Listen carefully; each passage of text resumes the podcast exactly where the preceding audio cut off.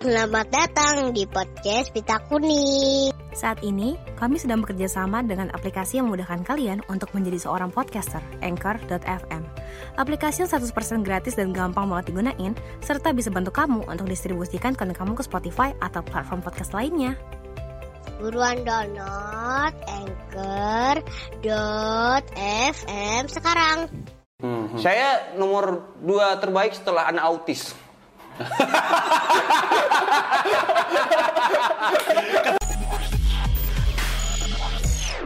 Kuning Podcast. Baiklah, selamat datang di podcast Pita Kuning, cerita masa kecilku. Saya Panji Pragiwaksono datang kembali. Saya di sini resminya sih pembina yayasan, tapi sebenarnya saya dimanfaatkan keartisannya untuk menarik perhatian publik kepada yayasan ini. Sebelum saya tiba, YouTube ini subscribernya 200, saya masuk sekarang berapa sekarang? 24 ribu. Tapi YouTube-nya perusahaan saya sendiri cuma 10 ribu. Ini kenapa seperti ini? Kemarin saya habis meeting di kantor, saya marahin anak-anak kantor saya. Perasaan ada gua-gua juga, di sana ada gua, di sini ada gua. Kenapa di sini jadi 25 ribu, di sana cuma 10 ribu, kagak naik-naik. Seperti biasa, kita akan ngobrol dengan tamu untuk ngomongin cerita masa kecilku. Em, karena kita semua punya masa kecil untuk diceritakan, adik-adik pasien kanker ini punya masa depan untuk diperjuangkan. Kami bergerak untuk bantu adik-adik pasien kanker. Eh, rata-rata datang dari keluarga tidak mampu, Eh, walaupun harus diakui ya, di level ekonomi apa pun, kita kalau kena kanker itu pasti kerasa, pasti berdampak. Masa-masa ketika gue masih rajin ke saat itu rumah sakit kanker Darmais, satu lantai itu kan lantai anak tuh. Semuanya tuh gue masukin kamarnya, ketemu sama orang tua, ketemu sama eh, anak-anak. yang datang dari keluarga mampu dan yang datang dari keluarga tidak mampu sama-sama menderita, sama-sama terdampak ekonominya, tapi untuk saat ini yang kami bantu adalah yang tidak mampu. Jadi keluarga nggak mampu, masih kecil karena kanker. Itulah kenapa kami bergerak untuk membantu. Informasi banyak di uh, pitakuning.or.id itu website kami. Uh, bantu juga untuk follow kami di uh, Instagram pita underscore kuning, uh, Twitter at pita kuning.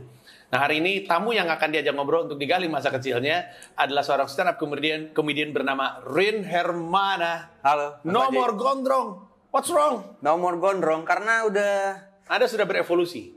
Anda sudah meninggalkan. Emang Rin gondrong sama Rin botak bedanya apa? bedanya nggak sama aja sih sebenarnya dari rambut doang karena rambut eh, gondrong udah tidak bisa diperjuangkan lagi. Nah, kenapa? Udah habis di sini. Oh iya udah ketarik ya iya benar Udah benar. ketarik. Benar benar benar. Nanti lu lu tahu Hulk Hogan nggak? Hulk Hogan. Tahu. Ada iya kan Iya. dia dia aneh banget tuh. Dia gondrong di belakang tapi di depan. Anda tidak mau jadi orang seperti itu. awalnya kepikiran mau kayak gitu, kayak vokalis ACDC gitu. iya, iya, kan? pakai topi Iya, terus. betul, betul, gitu. betul, Tapi mas betul. botak, wah, Iya, iya, iya. gitu. Anda mungkin mau ngikutin Pras Teguh. Kalau Pras Teguh rambutnya kayaknya lebih baik ya kondisinya ya. Dia gondrong kan? Justru saya dulu yang gondrong. Oh dia dulu. Oh lu dulu ya? Iya Iya. benar benar benar benar benar. Iya iya benar. Terus dia, dia jadi gondrong. Gondrong. Habis itu saya gondrongnya udah udah kemarin itu di sini gondrong. Di depan itu gondrong cuman dikit nih satu satu kelingking ini Iya, nih dua. Nah ini sepi nih. Nah pas cermin tuh kayak hmm ini tidak Tapi lu akan masih mending, Rin. Coba lu nunduk dikit dah. Eh. Ini tuh rata kan? Ini Nah. kalau gua kasih lihat, ini tuh gak rata tuh. Lebih parah ini daripada ini kan? sabar. Saya OTW kayak Mas Panji nih kayaknya. Ya, ya jangan sampai. Karena gua gua tuh akhirnya kerja gini-gini mulu nih. Rambut rambut sis- sisirannya gua Ah, giniin mulu ah, gitu. ah. Cuman lama-lama yang diginiin tuh udah mulai habis juga gitu. Terus kalau gua giniin ntar lama-lama tinggal tiga jadi kayak Adidas. Tuh palanya Panji Adidas. Iya. Nah, hari ini Rin akan saya tanya-tanyain dari lahir sampai SMA. SMA. Ya, Anda anak rantau kan?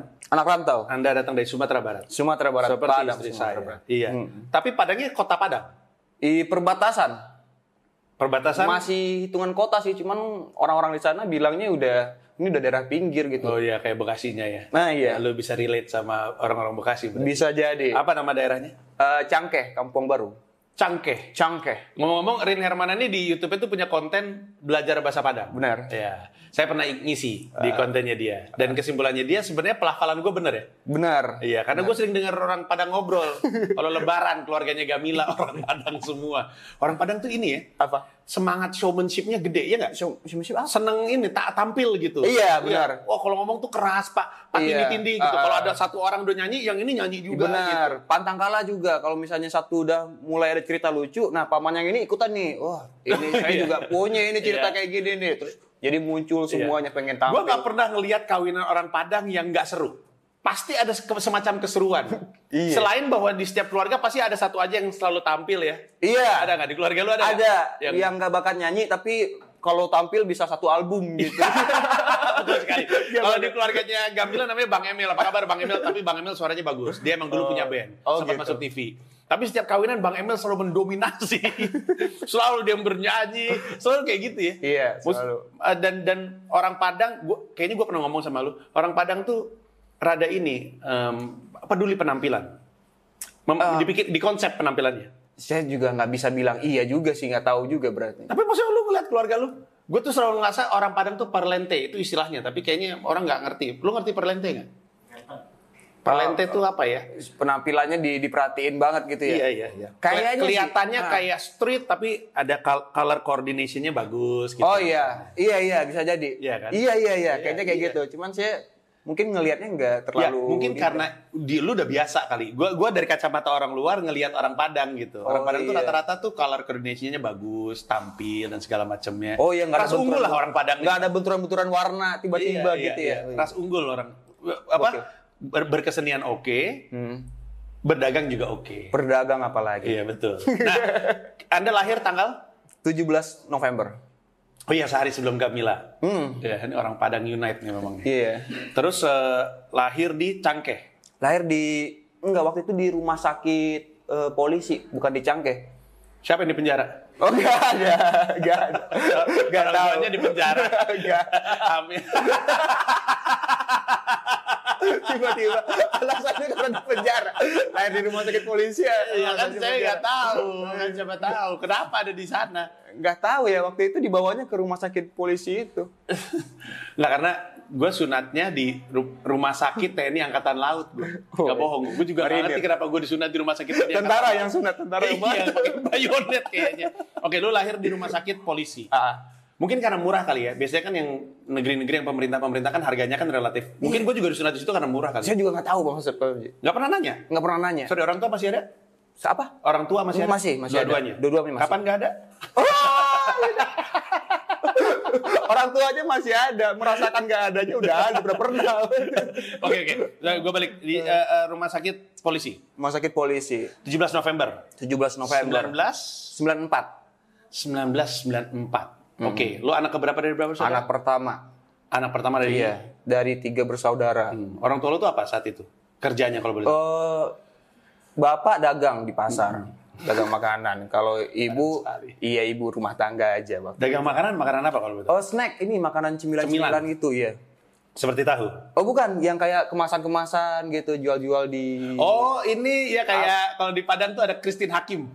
Eh, itu di mana ya? Manado deh, salah gua. Eh, Kristen Hakim memang di Padang. Eh, bukan cemilan itu loh, cemilan bis apa? Eh kri- keripik, singkong, singkong pedas. Ah, ah. Itu Iya, dari mana? Padang. Oh, bener kan Padang? Iya, Christine Hakim namanya kan? Iya, Iya, bener. Gue kadang-kadang kaget sendiri. Kenapa Emang ini, soalnya, soalnya keripik Christine Hakim itu tidak ada asosiasi dengan Christine Hakimnya langsung. Maksudnya? Enggak, bukan Enggak. punya Christine Hakim. Christine Hakim aktor. Oh bu- bukan, iya. Iya, Iya. bikin aja gitu. Kayaknya Christine Hakim deh. Karena Mungkin kalau punya- zaman sekarang dia bikin Reza Rahadian keripiknya. Karena yang punya katanya juga namanya Kristen Hakim. oh, kebetulan ya? Iya. Bisa kayak Awalnya gitu. saya juga mikir Kristen Hakim yang aktor yang punya. Iya, Ternyata iya, enggak. iya. Kayak Bika Ambon yang datang dari Medan. Orang pikir Bika datangnya dari Ambon. Iya. Ternyata jalan Ambon di kota Hmm. Medan. Satu, satu jalan Ambon di Medan itu satu jalan jualan Bika semua. Aneh bener tempat.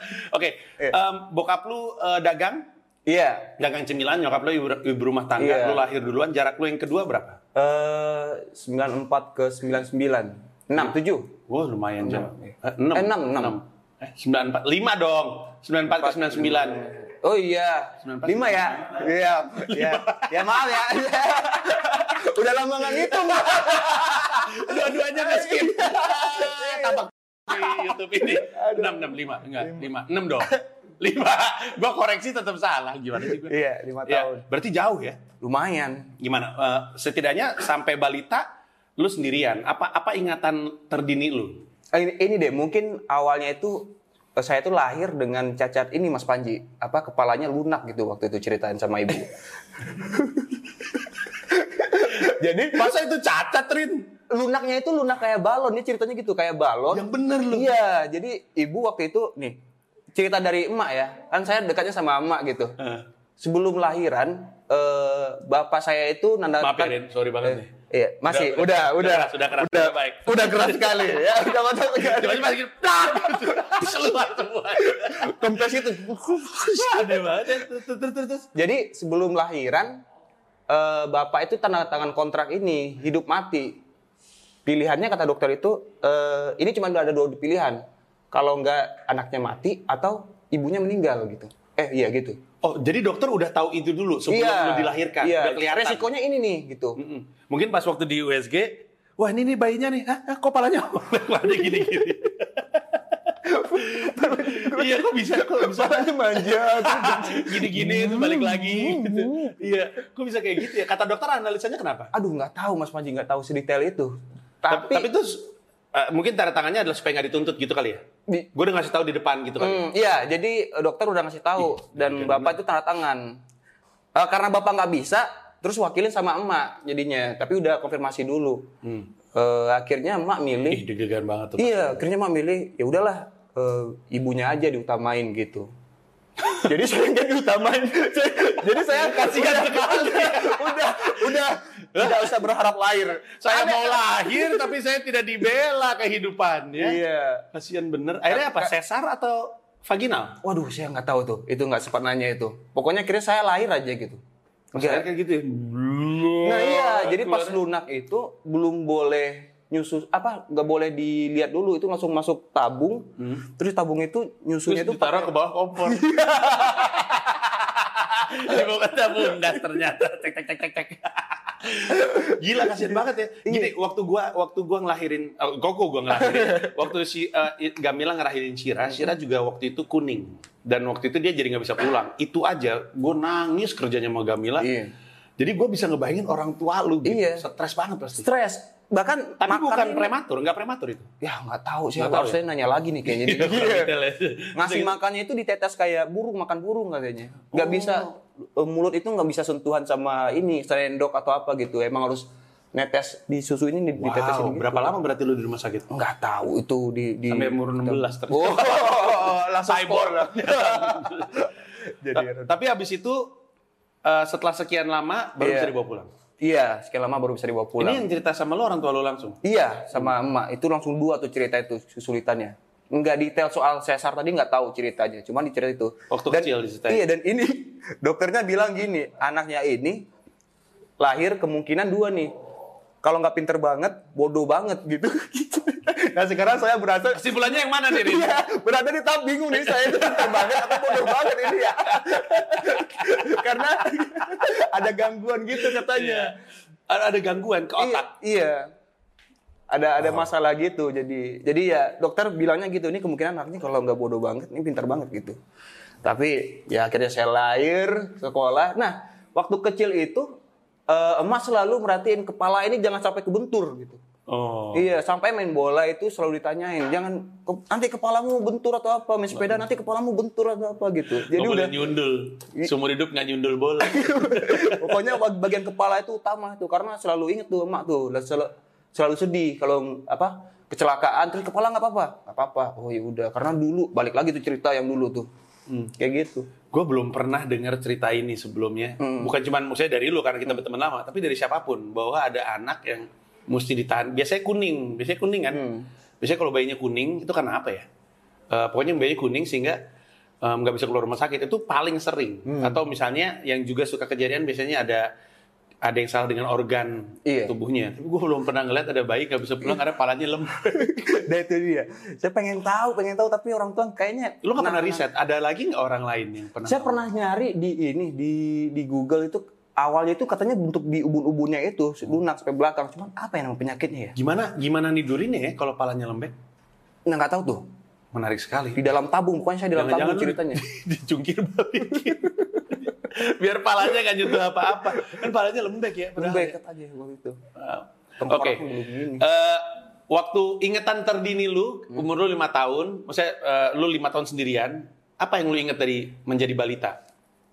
Biasanya awar-awar tuh, gue juga cuman dapat tipis-tipis tapi Oh, iya. di- digabung dengan cerita, jadi oh masih kecil gue kayak gitu gitu. gue eh, sering kesetrum Udah mah dibilang palanya nggak boleh kena karena rusak itu otak, badannya sering kesetrum. Iya. Aneh lu emang. Karena dulu waktu kecil itu saya suka main ini apa lipat-lipatan kertas dilipat jadi kapal. Oh, iya, iya, iya. Kan ada gunting, Origami, origami. ada ada gunting-guntingnya juga, jadi iya. gunting-gunting. Nah itu tuh saya pernah motong kabel radio, lagi nyala radionya saya gunting, gitu. Itu masih ingat kejadiannya. Terus juga rice cooker, hidup mati hidup mati.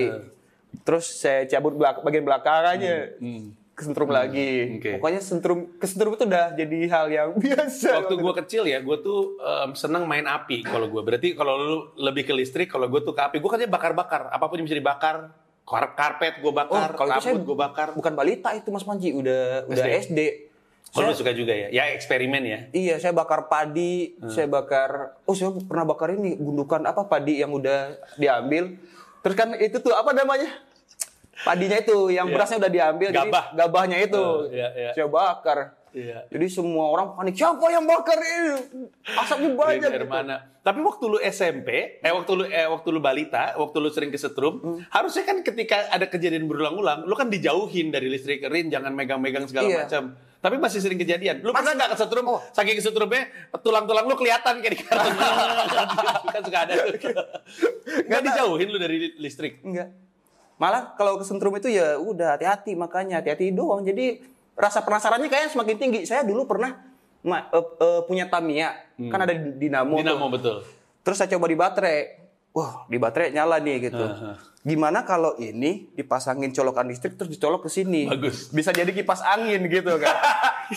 Dipasang tuh kertas-kertasan biar biar gede kan, putarnya kenceng. Saya coba, cit, meledak sampai. Berarti kesimpulannya lu banget kalau dari dokter kesimpulannya goblok banget. Karena Tapi namanya juga anak-anak kan ba- banyak eksplorasi Iya. ya. Oke, jadi ingatan lu terdini adalah lu sering kesetrum. Kesentrum waktu kecil. Ya. Lu manja nggak sih waktu lu waktu dulu?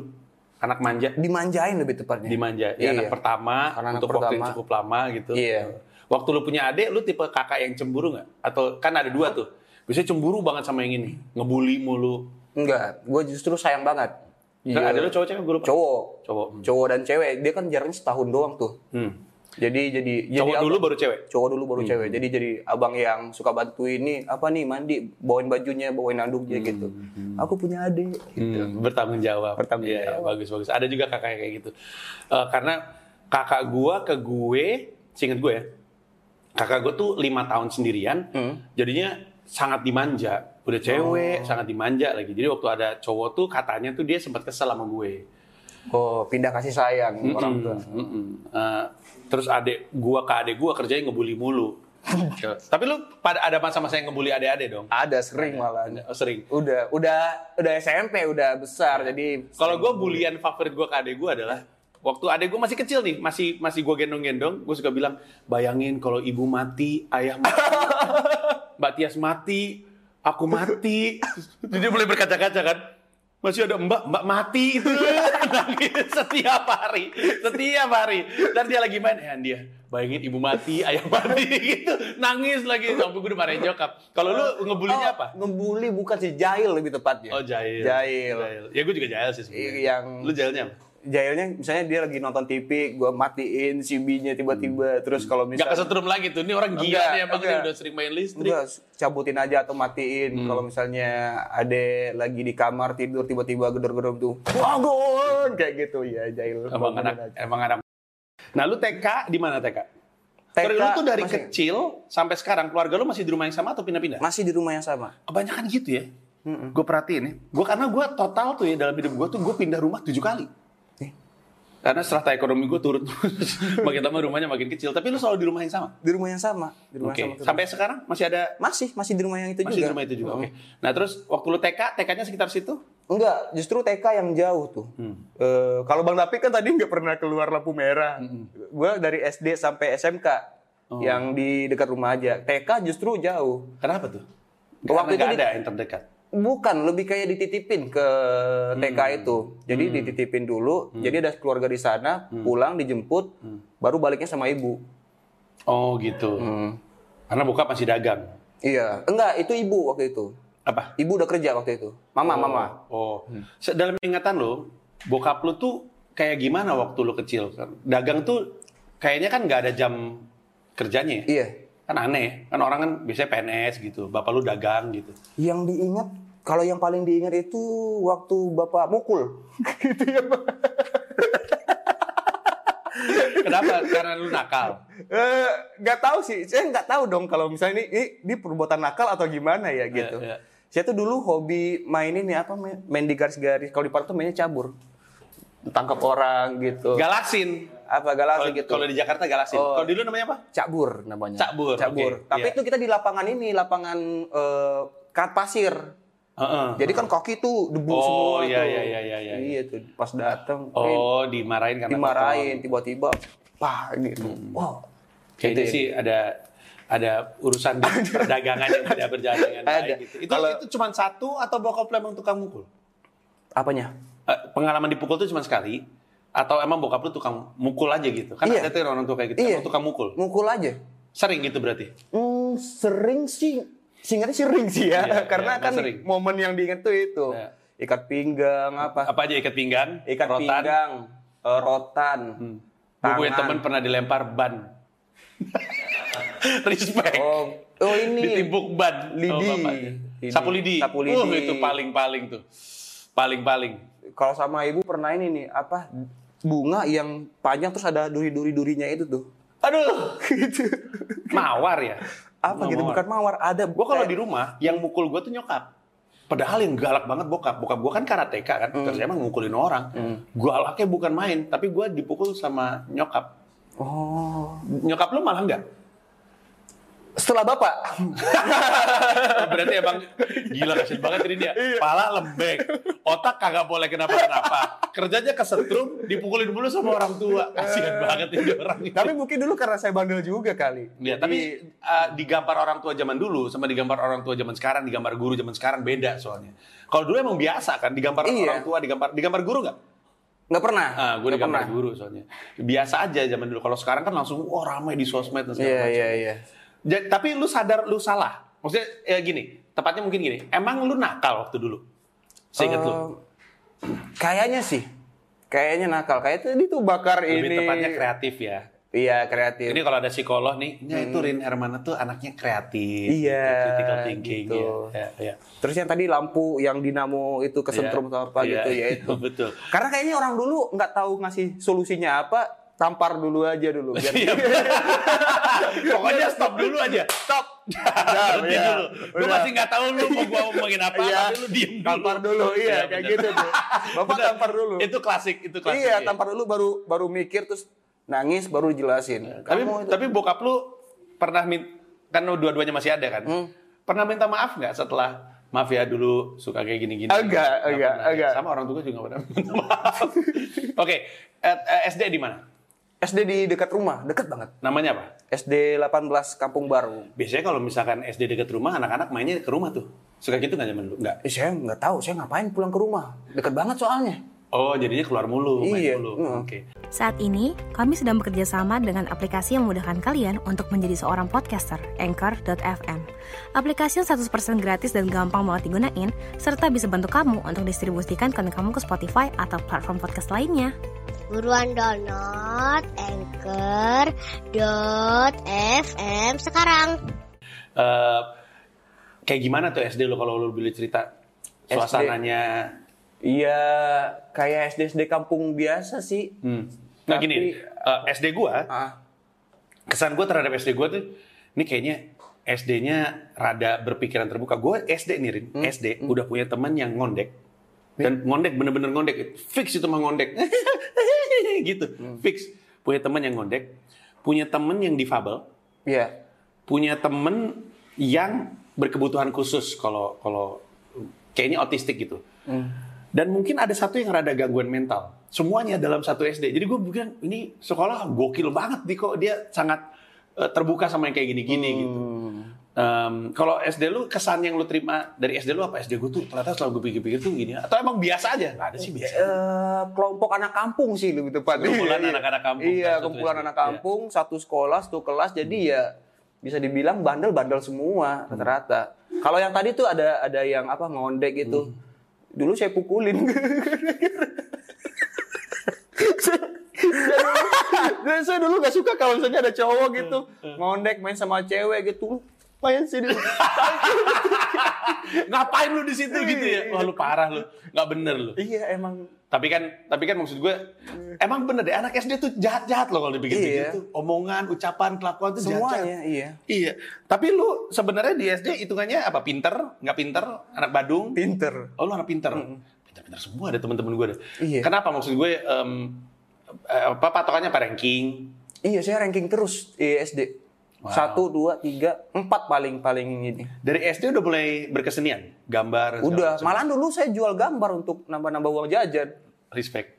Jual gambar. Jual gambar. Oke, Apa gambar yang lu bikin? Eh, Berapa harganya? Request 500, 500 Oh, request, orang pada request sama iya, bikin gambar ini dong Spider-Man gitu, bikin bikin gambar angkot.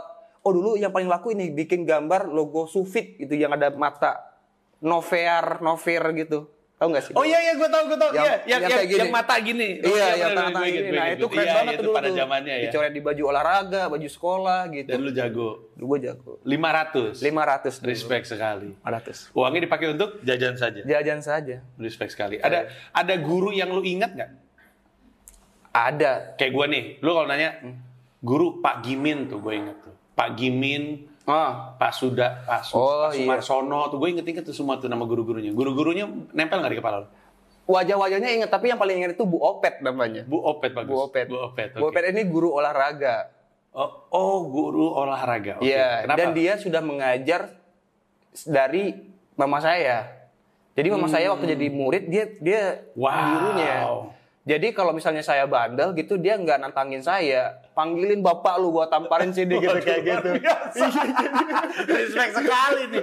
Berarti kan udah tua waktu dia Udah ngajar lu. tua, tua banget. Wah gila. Orang anaknya sama dengan saya, Ih, respect sekali. tapi masih ada anak-anak yang lain yang lebih tua juga. Oke, eh, jadi mungkin berkesan karena dia udah ngajar dari zaman orang tua lu gitu. Iya, Hmm. jadi dia kalau apa marahin itu bukan marahin kitanya gitu. Ntar gua tampar nih bapak lu atau apa gitu. Jadi dia lebih Hmm. Ngeri kayak banget. gitu. Terus kalau misalnya lu nggak ada ke orang tua, yaudah jangan aneh-aneh terus sama kamu. Oke, waktu SD udah ada percintaan?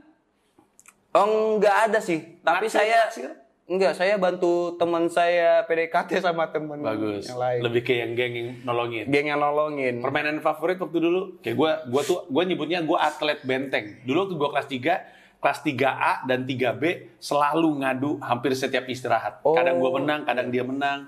Apa lu lu main mainannya? Tadi kan lu kan cak cak cabur, cabur. Hah? Cabur namanya. cabur ya. Iya. Hampir salah ngomong gue tadi. cabur, cabur. Cabur, ya. Eh, apakah itu atau ada yang lain? Bola sih. SD? Oh, SD bola. bola. Bola saya rekor mecahin kaca. Jadi bahkan sampai teman yang lain mecahin kaca, yang dituduh tetap saya Saking seringnya. Saking lu. seringnya. Eh, mainnya di mana di sekolah? di sekolah. Pakai bola kan apa? Udah bola ini, bola Bola sepak benar, bola sepak kulit? benar. Iya. Oh modal juga ya. Hmm. Tapi udah bukan bola yang baru ya, itu udah Ya, bola udah busuk-busuk gitu. busuk juga. Biasanya kayak kulit-kulitnya udah mulai ngelupas Iya, gitu. Yang kalau kena pala terus bisa besar. Iya. Iya, iya. Oh itu lu, lu waktu itu. Lu emang suka main bola, gue perhatiin. Di Instagram lu juga lu sebenarnya masih main bola. Iya, masih main bola. Seandainya berdebah mainnya sore juga mungkin lu nongol. Main, main. Karena berubah mainnya pagi sekali. Saya tidak bisa. Mohon maaf, palanya lembek soalnya. Harus nunggu mengeras dulu, baru bisa bangun dia. Bangunnya berat gitu. Oke, jadi SD bola, dianggap pinter, pacar-pacaran belum? Belum. SMP? SMP itu pertama kali saya nyoba basket, kayaknya keren gitu. Tapi karena waktu Sorry, itu tahun berapa tuh, Rin, SMP tuh? 2007. Wow, 2007, oke. 2007 itu pertama kali ngeliat basket, terus ngeliat, oh keren nih basket gitu, coba. Terus nyoba pelatih, bukan pelatih sih, waktu itu ekskul dan gurunya bilang, kamu ini bodoh, main basket tuh nggak gini, gini, gini, gini. Oh kesel. Oh iya, iya. Oh basket nggak peduli basket, main bola aja nggak perlu banyak aturan Langsung gitu. trauma. Iya. Iya, iya. Dribblenya gimana? tim nggak? Apanya? Bola? Pernah. Sekolahan tuh, Sekolah SMP. Iya. Lu pernah kayak tanding wakilin sekolah? Iya, dulu itu di ada O2SN kalau nggak salah namanya. Apa tuh dua SN? Apa o- Olimpiades? Iya. Oh, tahu iya. Lu satu sekolah sama dia? Enggak. Lu di mana sekolahnya? Ini se, se Indonesia nih. OOSN olahraga O2SN. Olimpiade olahraga sekolah nasional. Jadi antar Iya. sekolah negeri. Iya, jadi saya ambil saya ambil tiga cabang waktu itu. Wow, atlet. Iya, iya. Karena mungkin postur dari segi postur gede. Iya, iya. Terus bola volley sama takraw waktu itu. Takraw. Takraw. Wow, respect, respect sekali. Gue Takraw. selalu pengen bisa sepak takraw. Iya. Tapi karena gue selalu suka salto-saltonya, tau gak sih kan? Karena Oh iya, gitu kan. iya itu udah kering. Kalau saya mah nggak bisa sampai Oh, gue pikir segitunya. lu bisa kayak gitu. Gue itu basic untuk orang sepak takraw. Enggak lah, SD nggak mungkin bisa tahu. Iya, udah Siapa atlet mungkin. Iya, SD Oh, udah mau balik-balik. Tahu yang yang paling menyenangkan jadi menjadi atlet sekolah adalah ketika kita Bu, izin Bu, mau ada tanding gitu terus Iya, berangkat gitu. Jadi, iya. wah, keren banget nih atlet gitu. Iya, saya pernah saking saking apa ya? Ah, apa noranya itu saya pakai sepatu ini sepatu Bola. bola, yang ada ini saya bawa masuk gerdak gerdak gerdak gerdak gerdak gerdak gitu Atlet, atlet. ya saya Iya, iya. sosokan Luar biasa. sosokan Pernah ini nggak? Pernah sampai dengan SMA pun pernah ada yang beneran juara nggak? Atau cuma ikutan kompetisi-kompetisi tapi nggak pernah menang? Kayak gue selalu basket ngewakilin sekolah gue. Tapi nggak pernah menang sih, nggak pernah menang. oh yang juara Iya, enggak enggak nggak pernah pernah ya. ada. ikut doang terus Tapi gue masih inget enaknya bertanding atas nama sekolah tuh keren banget menurut gue. iya apalagi ditonton tuh Iya, temen temen-temen pada nonton, seru Keren banget ada ada kayak dramatisnya, ada deg-degannya. Ada nggak pertandingan satu pertandingan yang gue paling ingat? Entah mungkin menang, entah karena lu ngegolin, entah karena lu mainnya bagus, yang lu pegang terus. Oh ada. Gua selalu ada tuh. Ada tapi itu udah futsal bukan lapangan bola gede Hmm, lagi. ya, futsal apa- waktu tapi masih sekolah. zaman sekolah. Iya mewakili Apa tuh? sekolah. Main bola. Eh, Jadi SD, SMP, Eh SM itu SMA, SMK, iya SMK, SMK, SMK, itu mewakili sekolah. Main lawan sekolah favorit yang olahraganya udah bagus. Hmm. Jadi di SMK saya itu futsal ini masih ya tim-tim kita-kita aja nih, Ya, ya. nggak disupport Ya, atau apa gitu. ya, Ya, kita iuran aja ikutan. Atas nama sekolah kita gitu. Iya, Sampai akhirnya drama adu penalti saya yang ini, saya yang nyelamatin. Lu yang nyelamatin. Iya, jadi eh, waktu itu kita kalah. Hmm. Kelas satu angka. Hmm. Kalah nih, waduh. Soalnya ada yang ketepis atau melenceng. Bukan, eh, ini eh, waktu itu masih anggaplah 3-2 waktu itu Aha. sebelum adu penalti gitu kan. Wah, kalah nih kita nih. Oh iya. Ya kita nggak di sport, kita nggak ini. Ayo semangat semangat. Saya dari saya waktu itu masih main pem- pemain belakang. Pemain belakang ngejar ngejar ngejar syuting kena kepalanya langsung masuk ke gawang langsung wah ini ini pembalasan ini penalti penalti menang kita Wah, luar biasa. Itu, Respect. itu. Saya senang cerita-cerita olahraga. ngerasa Keren, keren. Pada zaman itu gitu. Gimana berapa nggak ada yang tahu sebenarnya. iya iya iya Oke, waktu SMP, eh, kalau misalkan gua ketemu teman lu SMP, SMP Rin kayak apa orangnya? Kira-kira jawabannya mereka apa? Eh, toloy Tolo itu. To, ah, aduh apa ya? Tolo itu kayak ngelawak apa so asik atau iya iya iya. iya, Pecicilan, pecicilan kali ya. gitu. Iya iya iya. Oke, berarti udah mulai eh, bibit-bibit bercandanya udah mulai nongol. Dari dari ini malah mungkin dari, Dari SD? SD. Oh iya. Dari Ah, SD. Maksudnya kayak gimana tuh? Dari Bibit-bibit SD itu ngoceh mulu. Ngoceh mulu ngetawain orang, misalnya ini guru ini ngomongnya kayak gini Hmm. gitu terus eh, ini sih ini jalannya kayak gini, Hmm. ini kayak gini. Abang-abang itu dagangnya kayak gini ya, aneh ya gitu kayak gitu. Jadi Malah malah ini udah banyak keresahan dari kecil. Udah ngeledekin orang sih lebih Iya, lebih iya, tepatnya. iya. Iya. itu dari SD, SMP udah mulai banyak kan Hmm. yang ini, Yang baru-baru juga yang gitu. baru-baru juga. Jadi kayak udah ngumpul gitu nih dari SD. Lu SD ini dulu ya? Hmm. Iya, terus kayaknya lu paling menonjol deh. Iya, gue juga nah kenalan. Jadi kita temenan gitu. Jadi kita membentuk geng geng apa? Geng pelawak ya.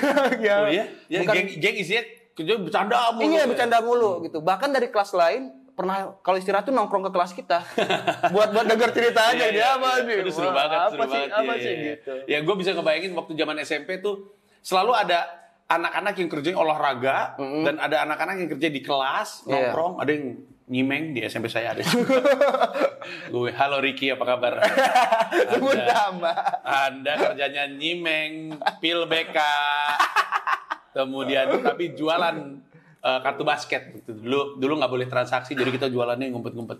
Tapi eh, lu berarti lu kadang tipe yang main olahraga banget, kadang tipe yang wow orang-orang pada nongkrong. Karena biasanya itu bukan orang yang sama. iya saya dua-duanya jadi kalau misalnya di kelas itu tim yang ini nih yang ngoceh yang ngelawak-ngelawak Hmm. gitu tapi kalau misalnya ada pertandingan Rin besok main ya gini gini.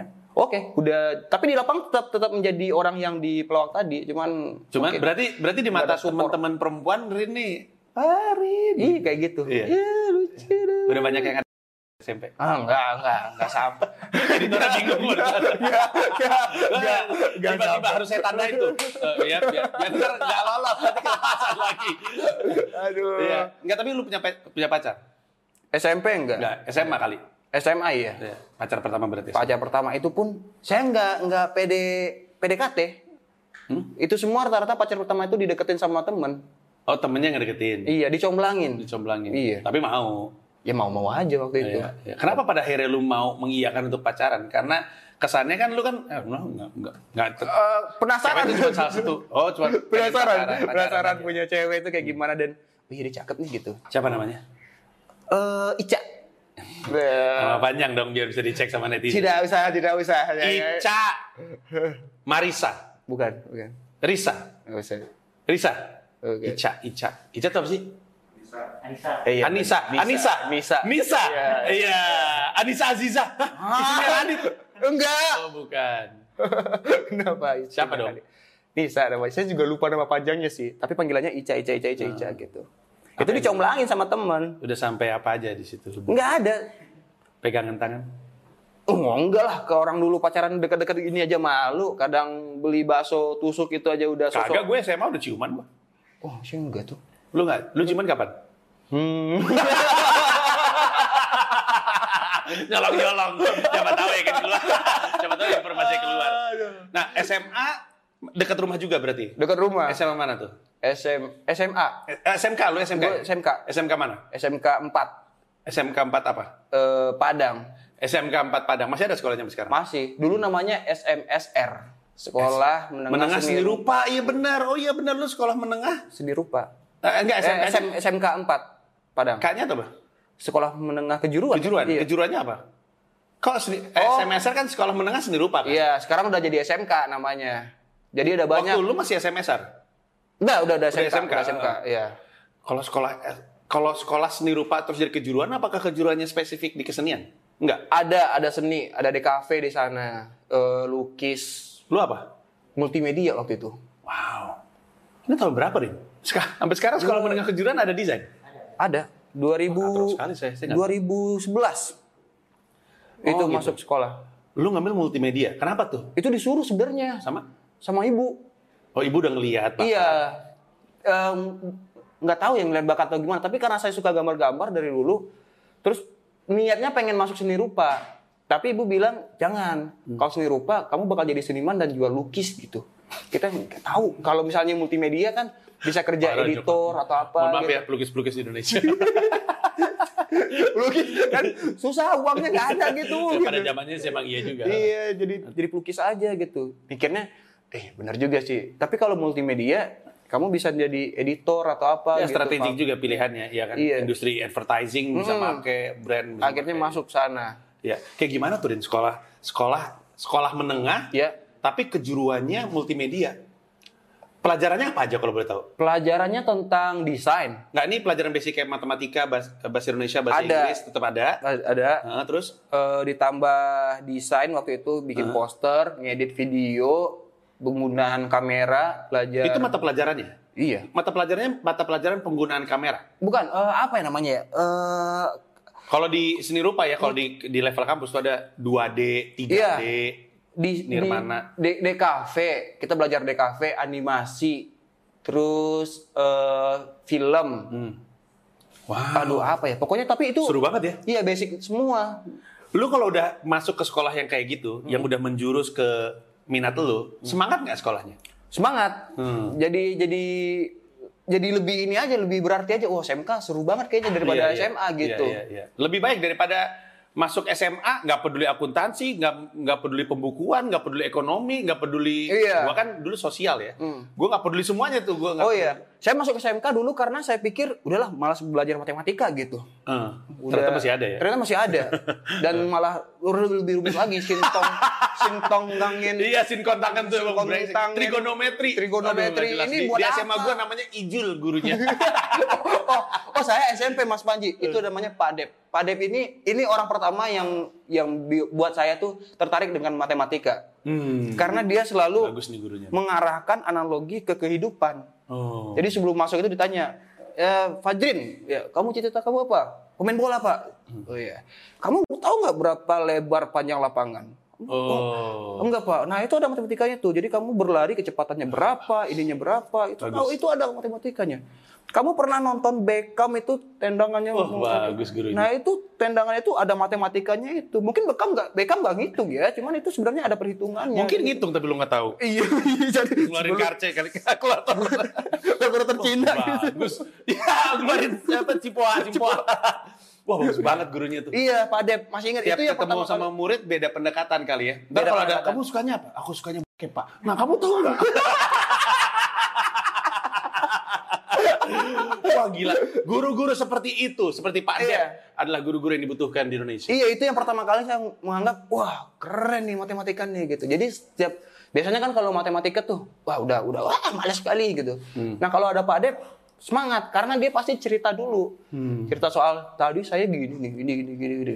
Nah kalian tahu nggak itu matematikanya gimana? Ini gini baru jelasin. Masih ada nggak ya Pak Dep sekarang? Nggak tahu, saya udah nggak ngeliat ke sekolah. soalnya. SMP mana sorry Mas? SMP 11 Padang. SMP 11 Padang. Kadang-kadang guru tuh ya mengagumkan ya. Ada banyak guru waktu SD ngajar kita sekarang masih ngajar tuh. Kadang-kadang bingung juga loh. Mengagumkan. Tapi ya ya itu guru-guru yang kayak gitu. Nah SMA Nah SMK lu semangat. Eh sorry SMK lu semangat ya masuk sekolah karena ada ada pelajaran-pelajaran spesifik iya, yang emang lu suka gitu. Emang suka. Nilai lu oke pada zaman Oke, itu. oke banget waktu itu. Hmm, Saya nomor dua terbaik setelah anak autis. Katanya anak autis emang kalau soal kesenian tuh susah sekali. Iya. Iya karena oh udah di dalam spektrumnya dia gitu ya. Saya tiga tahun. Berarti sekelas- hebat Anda. Saya sekelas itu apa setahun tiga tahun itu sekelas dengan anak autis.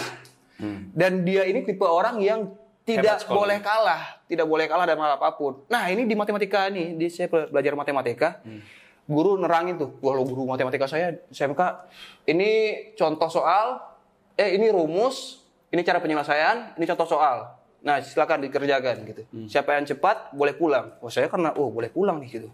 Langsung cepet.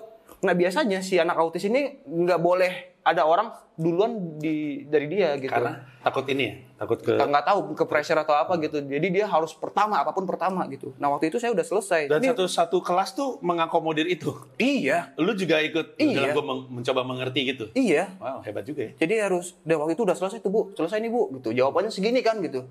Mana sini gitu. Terus dia namanya Hanafi. Sama si anak ini. Iya, dia nggak mau kalah, mau kalah habis itu enggak enggak enggak sini jawabannya salah, sok sok sok sok dicobek sama dia. Hmm. Jawabannya ini, ya kan ini juga jawaban saya tadi gitu. Gimana bu? Saya udah selesai, terus ambil tas langsung pulang dah, balik ya gitu. Bi- biasanya kasihan banget tapi biasanya ya karena Hanafi mana Hanafi autis gitu kan dulu disebutnya Iya. Ya iya kan jahat banget ya bang Iya jahat. tapi gua gua Eh, dan dia sekarang nonton stand up. Dia ngikutin saya banget Mas Panji. oh ya Iya. si Hanafi ini Iya. Dia pendengar radio, dia dia ngikutin stand up semua. apa dia kerjanya karirnya apa sekarang nggak tahu Pendengar radio setia. saya taunya itu doang dia. Terakhir ketemunya dia masih masih pakai earphone gitu denger radio. oh gitu Hmm. Em, hebat juga nih sekolah ya Iya, dia terima, terima. jadi ini apa istilahnya tuh karena dulu pada zaman gua ya Hmm. yang kayak gitu tuh yang berkebutuhan khusus tuh didorong menjauh suruh sekolah di YPAC Oh enggak, waktu namanya aja Yayasan Pendidikan Anak Cacat gitu kesannya. Ayo anak cacat kumpulin satu sekolah. Kasihan banget tuh zaman dulu dah.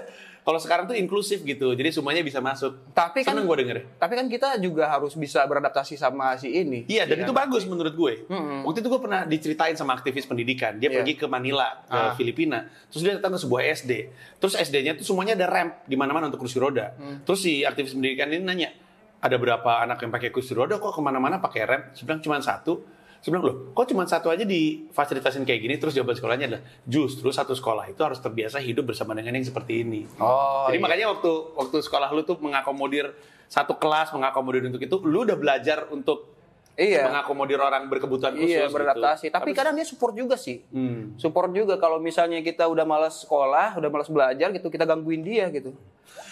Dia takut dia takut sama petir. Oh. Jadi jadi bisa kan dia M Hanafi, saya M Fajrin. Biasanya sebelahan deketan gitu. Udah ngelihat udah pada bosan semua. langsung langsung kayak gitu. Oh. Rin, Rin, Rin. Dan guru takut biasanya gitu. Udah, udah, udah. Udah, udah, udah, udah, udah, udah. Kalian kerjain ini, ini, ini ya besok ini kumpul. gue bisa kebayang sih. Iya. Gue bisa kebayang seperti apa sih di kelas seperti apa. Lagi dengan anak-anak Badung seperti ini. Aduh lucu Bukan, banget, bukan saya juga sih. Saya satu dari salah satu dari salah satu. ya. ya. Gue malah lebih parah lagi, eh, Rin. Gue waktu SMA, mohon maaf ya, gue punya, aduh, gue punya teman namanya Ardo. Ardo ini kurus, hitam, tinggi banget. Dipanggilnya sama teman-teman Yekini. Lu tau Yekini nggak pemain Rashidi Yekini pemain Nigeria? Wah, nggak tahu. Ada dia zaman dulu jahat banget tuh. Kalau lagi nggak ada kerjaan, ditimpukin sama apa pun yang ada. Ayo kita timpukin Yekini. Oh jangan, kata gue. Gue pikir gini, ya Allah kasihan banget ini orang. Emang kadang-kadang kita sekolah nakal-nakal banget ya. Kalau itu teman saya yang satu lagi, dia adik sama internet itu. Adik sama internet? Iya, dia cupu banget pokoknya main game dan dia tuh sampai nggak mau makan siang gara-gara buat nabung buat main warnet. Dia juga dia juga nggak mau pulang naik angkot, dia lebih milih jalan kaki untuk uangnya itu disimpan main di warnet. Jadi kita kesel, lu makan lah gini. Gua, gua, gua udah mau tuh makan nggak? Kita ngambil tas tas yang tas panjang gitu, kayak gitu. Kita, Tong makan itu. Oh, kenapa kalian jahat sekali gitu. Makan nih kita karena baik makan gitu. Lu pernah jadi kena masalah nggak di sekolah karena kebadungan ini? Eh, kena masalah gimana maksudnya? Iya misalkan lu lagi nge itu kan sebenarnya kan semi semi ngebully ya hitungannya ya. Terus tiba-tiba ya orang dia ngelapor ke orang tua atau gu- guru tahu terus pada disetrap dan segala macamnya. Oh, saya mungkin Nggak pernah sampai level karena- sana? Karena barengan kali, bukan sendiri-sendiri. Ya kan tetap aja semuanya kan akhirnya semuanya kena gitu. Tapi nggak pernah Mas Panji justru. Oh, pernah ya? Kalau barengan itu nggak pernah. Justru teman saya yang kecelaka apa? Yang dia itu nggak niat tapi malah malah jadi dihukum gara-gara itu. Hmm. Saya pernah ini apa? Udah bosan belajar di kelas gitu. Saya ngajak teman-teman saya sekelas itu mandi-mandi di ini air mancur. Hah, kok ada remaja dekat sekolah Di lu? Padang kan enggak di Padang itu ada wilayah itu ada air mancur, ada ada kita naik bukit, gunung. Anak gitu. bener. Ada air mancur di sana gitu. Ya, Bolos gitu kan? bolos, bolos. Masih pagi itu. Udah masuk kelas semuanya. Lu tuh hitungannya ini ya, bosnya teman-teman ya. lah, leader untuk untuk Iya iya iya iya. Iya. itu. Selalu ada di sekolah tuh satu anak yang dia yang punya ide kita semua ngikut sama dia Iya, gitu. Tapi Oh. bukan berarti gue yang paling apa Badung harus berantem atau apa, Eh, tapi eh. gue ide aja nih, gue ngasih Eh, ini nih. eh. Males ya? Iya, males gitu. Ini guru nggak masuk nih, kita lapor ke piket dulu. Bu, eh, bapak ini nggak masuk. Gimana? Udah naik jam pelajaran. Di sistem sekolah itu ada naik jam pelajaran. Berarti guru jam jam berikutnya belum datang dong. Mhm. Ibu ini juga nggak masuk bu. Ini juga nggak masuk sampai akhirnya kita nggak masuk nih. Aduh gimana ya? Gimana ya? Mhm. Pinter Gini juga aja, nih Bu. bocah nih. Kita pulang aja gitu daripada kita di kelas tar berisik ganggu kelas lain gitu. Hmm. Oh iya, bentar ya, bentar ya gitu. Ya, ibu itu ibu piket itu pergi. Nah, saya balik ke kelas itu. Hmm. Ayo kita ke mau mandi gitu. Bawa mobil pick up, rame-rame gitu, naik pick up. Wah, respect rame-rame. sekali ini. Iya. Berarti kesimpulan gua Rin, yang kata dokter antara lu pinter banget atau goblok banget, kesimpulannya pinter banget. Emang kadang-kadang orang pinter banget tuh suka badung. Oh, itu ya. Iya, kelihatannya seperti itu. Tapi ceritanya Rin tuh menurut gua adalah bagian yang gua kadang-kadang suka bingung ya. Gue sebenarnya pengen ngedalemin lebih dalam ke SMK-nya, tapi itu udah bukan urusan sama podcast Pita Kuning. Gue tuh penasaran, gua gua penasaran. Jadi kalau misalnya SMK-nya ada seni rupa Ya. dan segala macamnya, sisanya apa? Atau hanya seni? Atau nggak ada yang lain? itu ada akuntansi malahan. Tapi sekarang ini katanya Ada lagi. Jadi apa aja di dalam? Eh multimedia, desain interior, desain produk apa? Ja- jadi fashion, produk baju, pakaian ya. ya. multimedia, seni rupa, Jadi semuanya karena animasi sekarang tambah satu lagi. Bagus, bagus sekolahnya. Ya, eh, kita ini sebenarnya gua aja dapat banyak informasi baru dari Rin dan gue sih selalu senang ketika eh, kalau sekarang tuh yang lagi diusahakan tuh namanya tren vokasi pendidikan. Jadi anak tuh udah langsung dideketin secepat mungkin sama minat gitu. Nah, nginget minat dan segala macamnya jadi ingat adik-adik yang kita bantu, yang kami bantu, mereka tuh kalau semangat hidup sih luar biasa dan harapan kita adalah ya kalau soal nyawa kan siapa yang tahu ya, tapi kita bantu karena kita bisa aja supaya mereka juga bisa tumbuh besar dan punya em, pengalaman hidup yang kaya seperti yang Rin barusan ceritakan. Rin terima kasih sekali lagi. Terima kasih, Mas. Sukses terus untuk Anda Eh, dan untuk siapa pun kalau misalkan pengen tahu lebih banyak tentang Pita Kuning masuk ke websitenya di pitakuning.or.id, Facebook Pita Kuning, eh, Instagram Pita underscore kuning, dan Twitternya at Pita Kuning. Informasi rekening juga ada di video. Terima kasih sekali lagi. Sampai ketemu episode berikutnya. Bye-bye.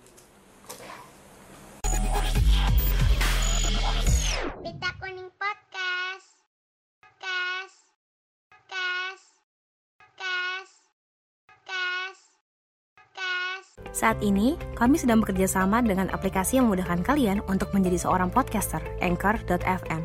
Aplikasi yang 100% gratis dan gampang banget digunain, serta bisa bantu kamu untuk distribusikan konten kamu ke Spotify atau platform podcast lainnya.